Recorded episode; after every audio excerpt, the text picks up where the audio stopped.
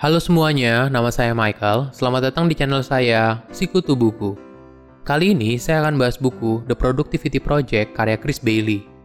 Buku ini membahas pengalaman Chris menjadi kelinci percobaan untuk eksperimen produktivitas. Setelah lulus kuliah, Chris menghabiskan setahun hidupnya untuk melakukan riset produktivitas dan mengabadikannya dalam blognya sendiri. Dia telah menjalani beberapa eksperimen seperti tidak tidur atau sedikit tidur dalam beberapa minggu, tidak mengkonsumsi kafein dan gula, hidup dengan total isolasi selama 10 hari, hingga hanya menggunakan smartphone sejam sehari dalam 3 bulan. Saya merangkumnya menjadi tiga poin menarik dari buku ini. Yang pertama, waktu, atensi, dan energi. Untuk bisa produktif, kamu harus bisa menemukan keseimbangan antara waktu, atensi, dan energi.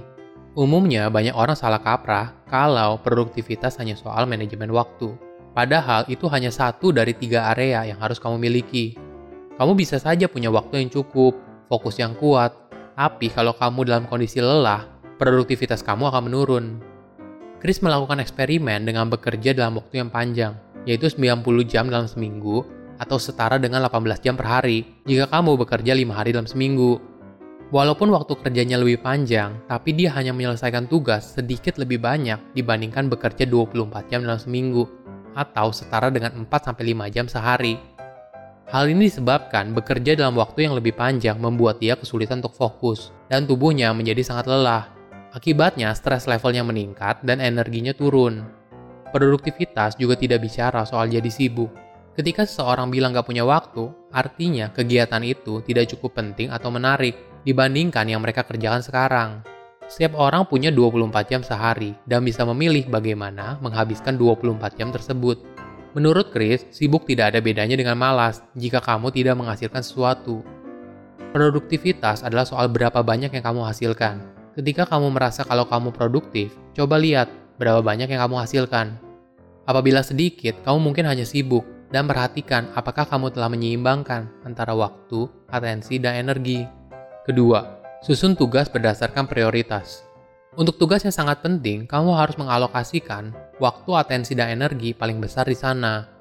Biasanya, setiap orang punya waktu produktivitasnya sendiri, atau dikenal dengan biological prime time. Ini adalah waktu di mana seseorang punya energi yang sangat tinggi dan paling produktif.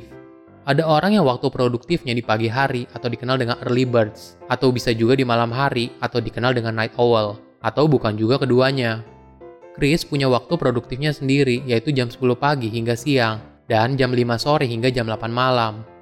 Gunakan waktu produktif kamu untuk menyelesaikan tugas yang penting, sedangkan tugas yang kurang penting seperti membalas email dan WhatsApp taruh di waktu yang lain. Apabila memungkinkan, kamu delegasikan tugas yang kurang penting. Tentu saja ada biayanya, tapi dengan begitu, kamu akan punya waktu untuk mengerjakan hal yang paling penting. Chris juga menjelaskan ada tugas lain di luar pekerjaan, walaupun tidak menghasilkan uang, tapi perlu dilakukan. Chris mengkategorikan hal ini sebagai maintenance day. Jadi di satu hari itu, Chris akan mencuci baju, membersihkan rumah, memasak, dan sebagainya. Walaupun bisa dikerjakan oleh orang lain, tapi hal ini dapat memberikan kamu kepuasan tersendiri kalau kamu berhasil menyelesaikan banyak pekerjaan sekaligus. 3 produktivitas, dan kebahagiaan. Orang yang bahagia adalah orang yang produktif.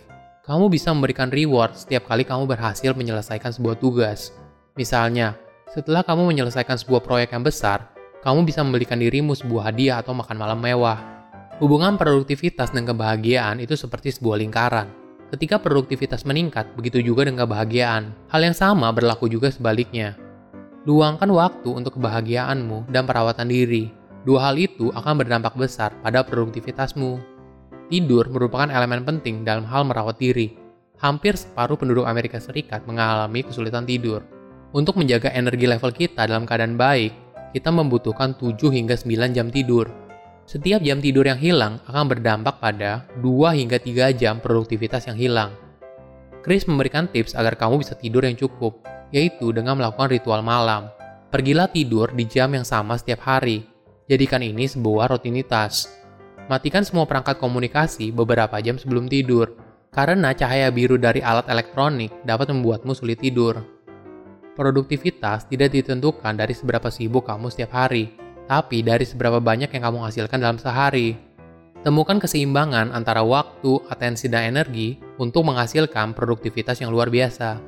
Silahkan komen di kolom komentar pelajaran apa yang kalian dapat ketika baca buku ini. Selain itu, komen juga mau buku apa lagi yang saya review di video berikutnya. Saya undur diri, jangan lupa subscribe channel YouTube Sikutu Buku untuk versi animasinya. Bye bye.